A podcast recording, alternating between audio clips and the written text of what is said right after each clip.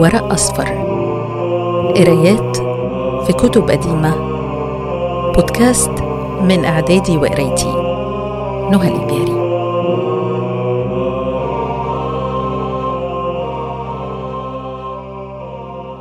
الكتاب الأول.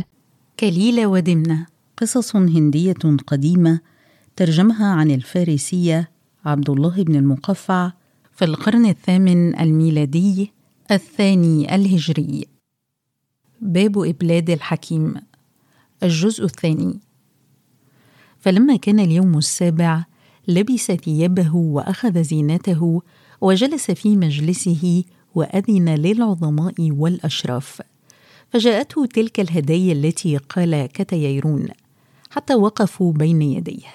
فلما رأى الملك الرسل والهدايا فرح بها وقال في نفسه لم أوفق حين قصصت رؤياي على البرهميين وأمروني بما أمروني به.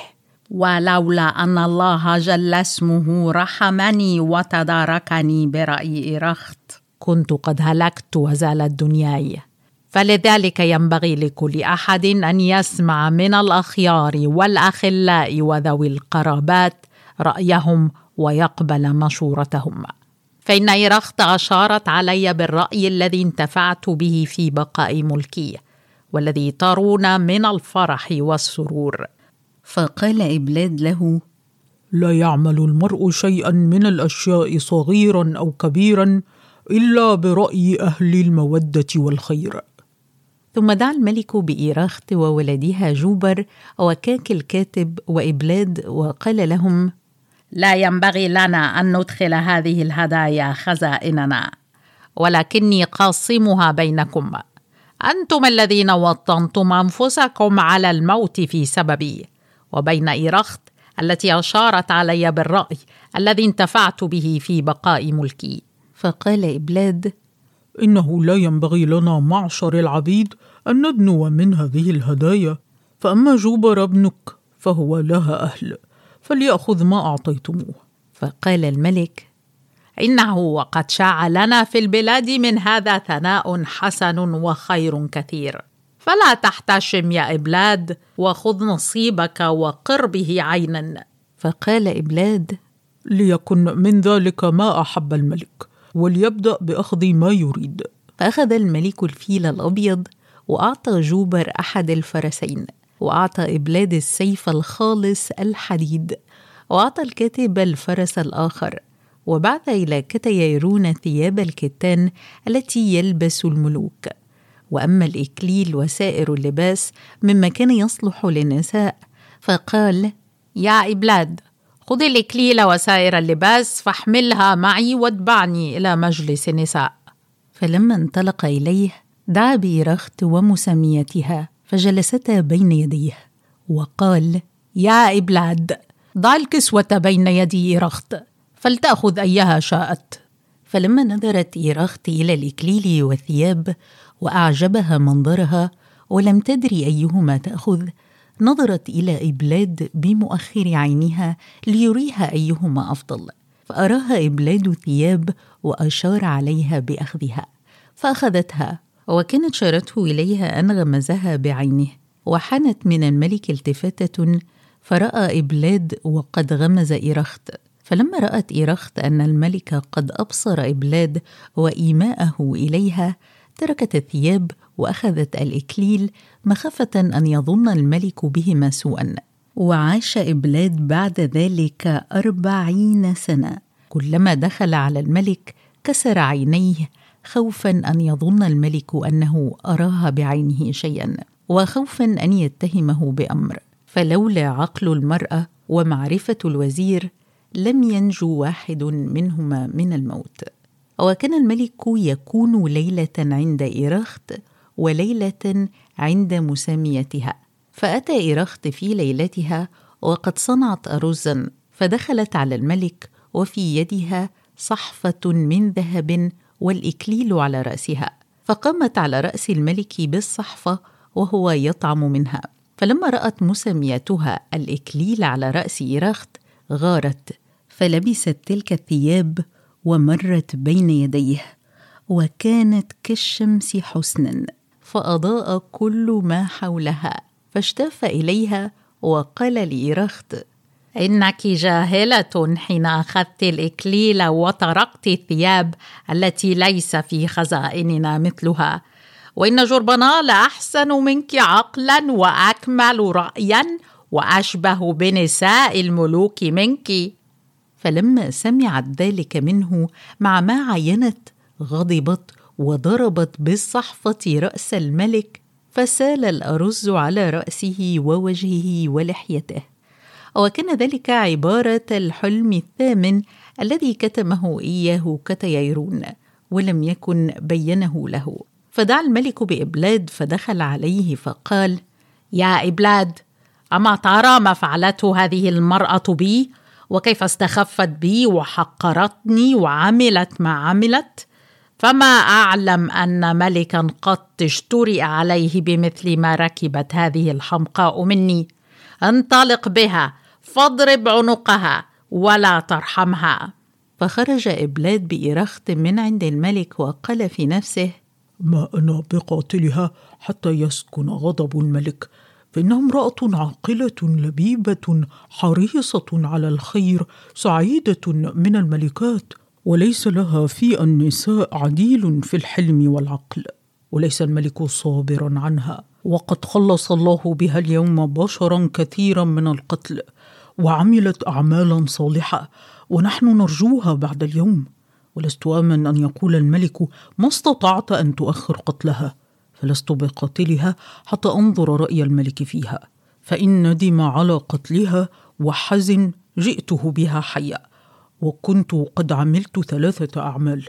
أنجيت ايرخت من القتل وفرجت على الملك حزنه وافتخرت بذلك على سائر الناس. وإن لم يذكرها ولا اشتاق إليها أمضيت أمره فيها.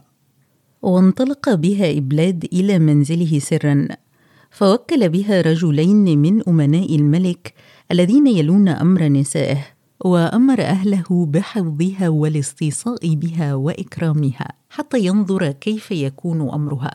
ثم خضب سيفه بالدم ودخل على الملك كئيبا حزينا وقال قد أمضيت أمر الملك في إرخت فلم يلبث الملك أن سكن غضبه فذكر جمال إيرخت ورأيها وعظيم غنائها فاشتد حزنه وجعل يقوي نفسه ويتجلد وهو على ذلك يستحي أن يسأل إبلاد ويرجو ألا يكون قتلها. ونظر إبلاد إلى الملك فعلم ما في نفسه بفضل علمه فقال لا تحزن أيها الملك ولا تغتم فإنه ليس في الحزن والهم منفعة ولكنهما ينحلان الجسم ويفسدانه. مع ما يدخل على أهل ود الملك أيضا من الحزن إذا حزن وفرح أعدائه وشماتتهم. فإنه إذا سمعوا به لم يعد من صاحبه عقلا ولا حزما. فاصبر أيها الملك ولا تحزن على ما لست بناظر إليه ابدا. فإن حب الملك حدثته بشبيه أمره هذا. قال الملك حدثني يا إبلاد. قال إبلاد زعموا أن حمامتين ذكرا وأنثى. زعموا أن حمامتين ذكرا وأنثى. ملأ عشهما من البر والشعير. فقال ذكر للأنثى أما ما وجدنا في الصحارى ما نعيش فلسنا نأكل مما في عشنا شيئا.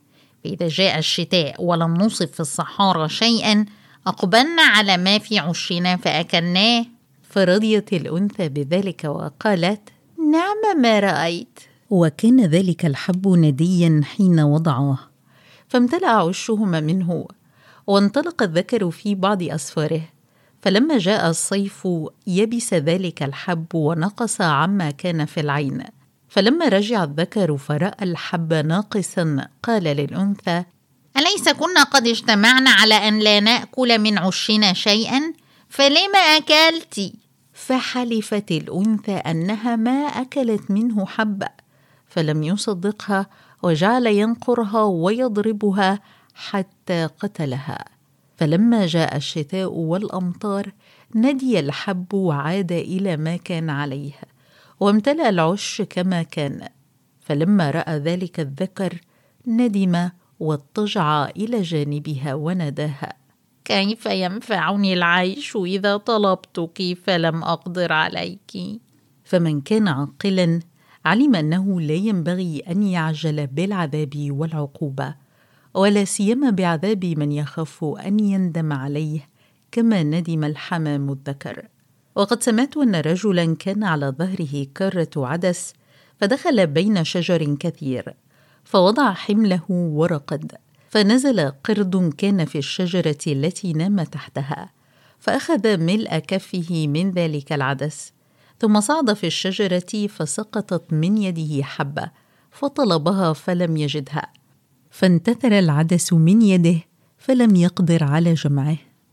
وأنت أيها الملك عندك ستة عشر ألف امرأة تدع أن تلهو بهن وتطلب التي لا تجد. فلما سمع الملك ذلك خشي أن تكون إيرخت هلكت. فقال لإبلاد أفي سقطة واحدة كانت مني فعلت ما أمرتك به في ساعتك وتعلقت بكلمة واحدة ولم تتثبت في الأمر. قال إبلاد إن الذي قوله واحد لا يختلف كلامه عندي واحد. قال الملك ومن ذلك؟ قال الله عز وجل الذي لا يبدل كلامه ولا يختلف قوله. قال الملك اشتد حزني لقتل رخت.